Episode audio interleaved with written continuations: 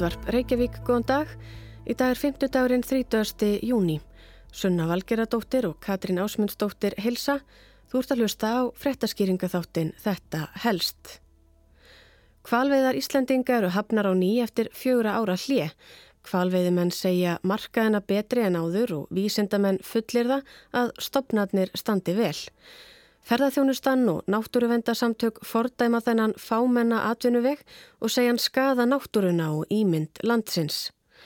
Heiða Kristín Helgadóttir fyrverandi pólitíkus og núverandi fiskútflytjandi segir veiðarnar skadlega tímaskekkju sem geti sprungið í andlitið á okkur og til marksum dugleysi stjórnmálamanna sem hér ráða. Hún fullir þeir að veiðarnar skaði íslenskan sjávarútveg og dæmi séu um fyrirtæki sem missi viðskipti vegna þess að Íslendingar eru meðal örfára þjóða heims sem veiða kvali. Sunna skoðaði ásýnd kvalveiða þjóðarinnar og heyrði í heiðu Kristínu. Tveir bátar, kvalur nr. 8 og 9, heldu til kvalveiða í síðustu viku í fyrsta sinn í fjögur ár síðan sumarið 2018. Kristján Loftsson, eigandi Kvals HF, sagði í viðtal við morgunbladið að það færi allt eftir veðri hversu marga kvali standi til að veiða. Við getum ekkert verið að í vittlösu veðri, sagði Kristján. Kvalavertíðin stendur í um 100 daga og samkvæmt ráðgjöf Havaronsoknarstofnunar má veiða 209 kvali í kringum Ísland, Grænland og Færæjar. Stofnin taldi vel yfir 30.000 í síðustu talningu. Þetta er alveg nóg fyrir okkur við tökum að hámarki tvo kvali á túr, sagði Kristján líka.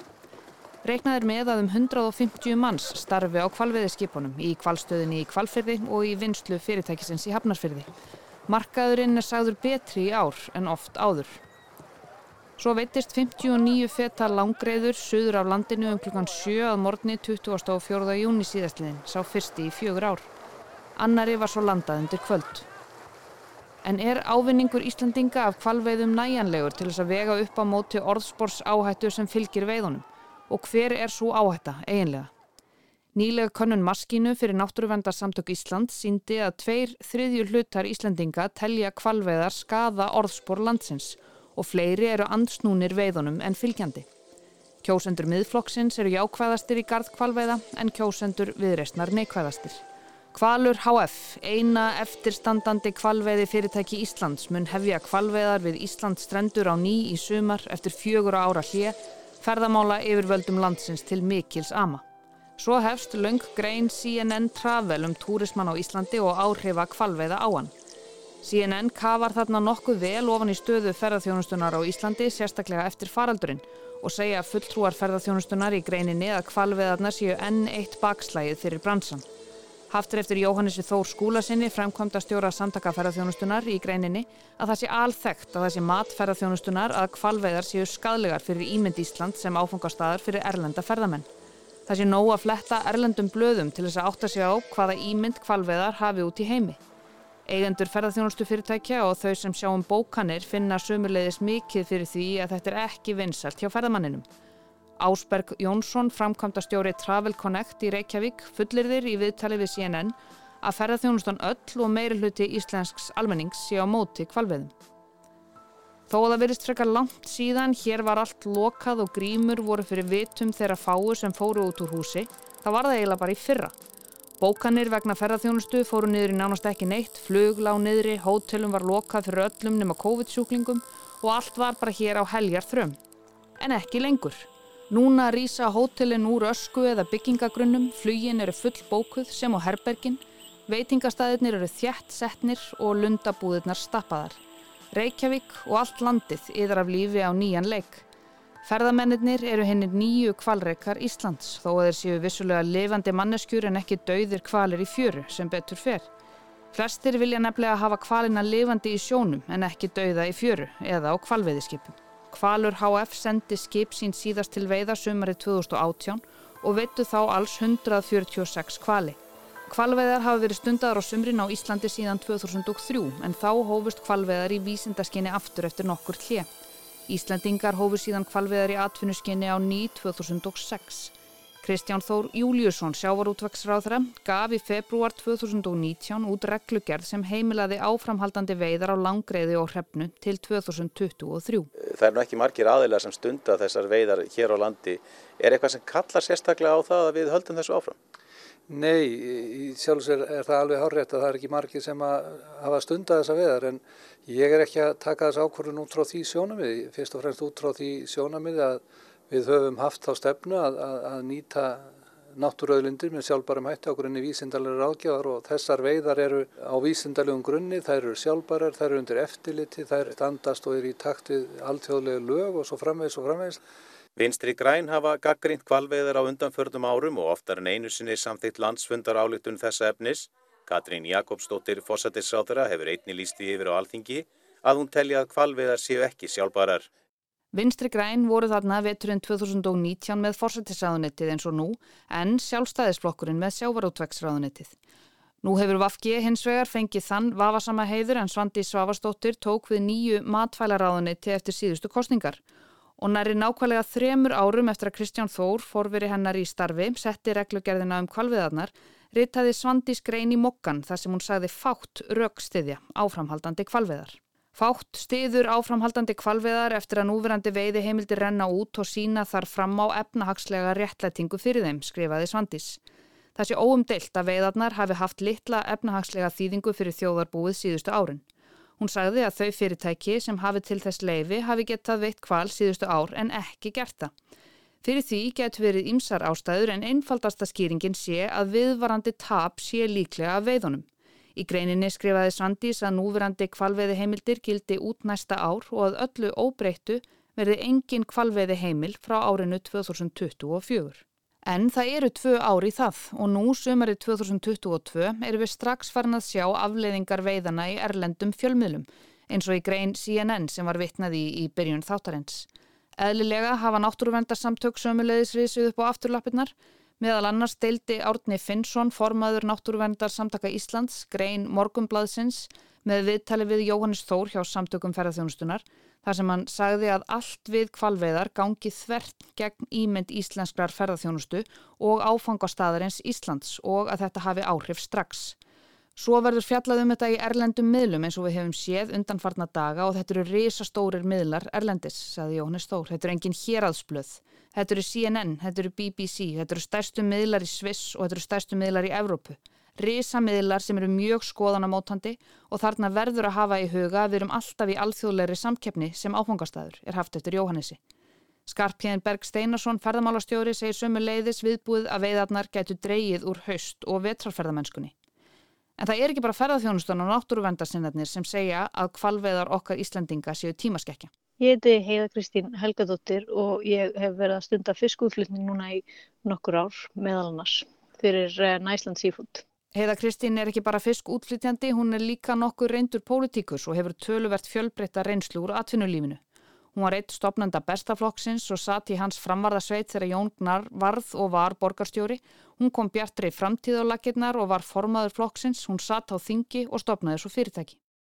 Það sem að mér svona í raun og veru svona sorglegast í þessu máli er að ég held til dæmis á þingi þar sem að um, endanlega ákvörunum eitthvað svona fyrir utan hjá sjáurðsra þar er þið tekinn sem á að endur spekla eitthvað vilja þjóðarinnar held ég að sé meiri hluti fyrir að hætta þessari vittlesu. Um, en mér finnst svona það sem er sorglegt í þessu er eitthvað svo dugleysi stjórnmálamanna til þess að klára þetta mál eitthvað neginn og setja þetta bara fyrir aftan okkur sem part af einhverju fortíð um, er uh, yfirgnæfandi vegna þess að þeir fara einhvern veginn undan í flæmingi þetta sé nú þú veist ekki svo mikið mál og það ber nú ekkit hérna, uh, tölurvarandi ferðarþjónustu bend ekki til þess að fólk sé að hætta við að koma inn út á kvalveðum og mér finnst þetta svona lýsandi mál fyrir, fyrir almennt svona Uh, dugleysi stjórnmálamanna heilt yfir sem að, uh, sem að er að verða bara rosalega stórt vandamál í hennu vestrana heimi. Þar sem að í staðin fyrir að taka á erfiðum málum eða málum sem að raunverulega stjórnmálamenn eru kjörnir af hérna, uh, fólki til þess að sinna þá einhvern veginn svona ítaðir frá sér. Og við erum að sjá byrtingamind þessi mjög alvarlegum með mjög alvarlegum hætti til dæmis í bandaríkjunum núna í síðustu viku. En hérna heima þá er þetta mál sem við höfum í vaksandi mæli alltaf þú veist, vitað að er eitthvað sem við eigum ekki að vera stunda uh, út frá dýravend og út frá mjög mörgum, mörgum svona hliðum er, er þetta e, eitthvað sem að heyrir fortíðinni til og þarfur utan eru engar markaðslegar ástæðar til að halda þessu áfram og við erum svona að leika okkur að eldinum og í staðan fyrir að taka á því og klára þetta þá bara svona lallar þetta áfram þanga til held ég að eitthvað gerist sem við getum ekki snúið tilbaka og það er ábyrðalöst og það ber vottum að mínum að þetta bara mjög mikið dugleysi. Hvað er þetta að gera fyrir þjóðarbúið, kvalveðar? Bara alls ekki neitt og það er bara marg sem er sínt sig að þessi blessa, blessaðu kvalir sem að hérna Kvalur HF dregur á land og bútar í sundur um, hann, það, það er engin markaður fyrir þessa vöru. Og ef það er einhvern markaður þá er þetta eitthvað dýrafóður eða eitthvað mjög svona uh, já, látt borgandi og óspennandi markaði langt í burtu frá okkur sem að þú veist við eigum bara mjög erfitt með að sinna yfir höfuð. Alltaf þegar þetta fyrir gang þá fáum við þessa gaggrinni yfir okkur.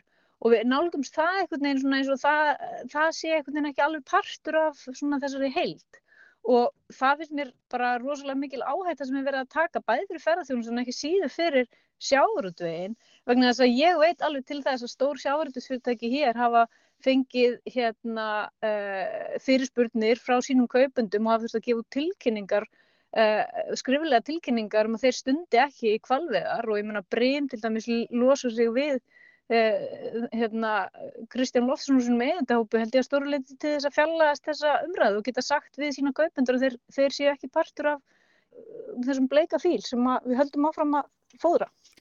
Heiða Kristín fullir þér að kvalveðar Íslandinga hafi skadleg áhrif á sjávarútvegin í hildsinni og endanum munið þær springa í andlitið á okkur og ég veit að það er að þvælast fyrir í ákveðnum viðskiptum og, og við sjáum það bara allstæðir kringum okkur að hérna, alls konar samfélagslega mál sem er að þrýstast yfir á viðskipti og, og fyrirtæki almennt.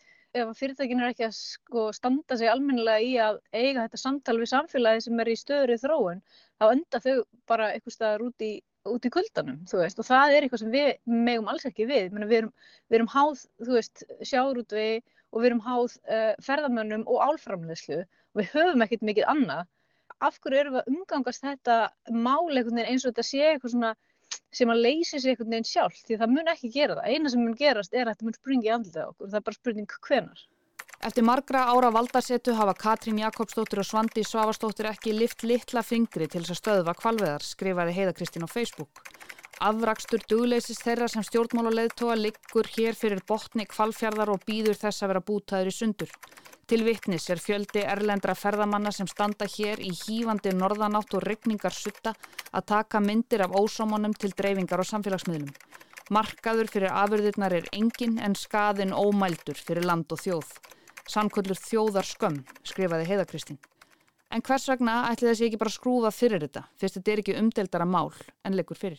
Að það er bara verið að taka hann að sér hagsmunni mjög fámennshóps og í raun eins manns fram meður heildar hagsmunni og það er bara mjög gráðlegt að þessar tvær konur Katrín og Svandi sem að e, ég ber annars mikla virðingu fyrir og, og, og, og hérna, veit að það eru lungnir stjórnmálamenn og þá samt sem aður láta þær einhvern veginn þetta mál og uh, nokkur önnur líka einhvern veginn uh, bara á alltari þess að fá sitja í sínum stólum. Það er náttúrulega þeirra að, að hérna, böglast með en ég bara er fyrir, já, verð fyrir gríðalögum ombröðum þegar svona enn eitt málið hlæðist ofan á annað sem fyrir er komið sko. Ég myndi halda það allavega fyrir eins og Svandísi, þú veist, ef hún vil slá okkur á pólitískar keilur í þessum fámannu hópi sem að virðist telja að vinstu græna, þá væri þetta líklegt til þess að skora einhver steg hennar megin og víðar sko. Því að mér finnst þetta orðið bara svona frekar útbreytt skoðun. Bara flestir er búin að sætta sig við að tilherir okkar fortíð en við erum ekki einhvern veginn að akta á það sko. Og erum að býða einhvern veginn eftir þetta degi út sko sem að mér finnst þetta algjör bara leikur að eldi því að, því að þetta er mál sem getur bara sprungið allir á okkur hvernig sem er og er í raun og verið búið að gera það. Enn hefur ekki verið tekið saman hvort kvalviðar okkar Íslandinga hafi raunverulega skadað okkur fjárhagslega en Svandís hefur þó gefið út að það standi til að meta áhrif þess að hætta þeim alfarið. En kvalurinn verður að öllu óbreyttu veittur áfram út sumarið og fram á haust hvað sem fólki kann að finnast um það. Þetta var helst í dag. Takk fyrir að leggja við hlustir og við heyrumst aftur á morgun.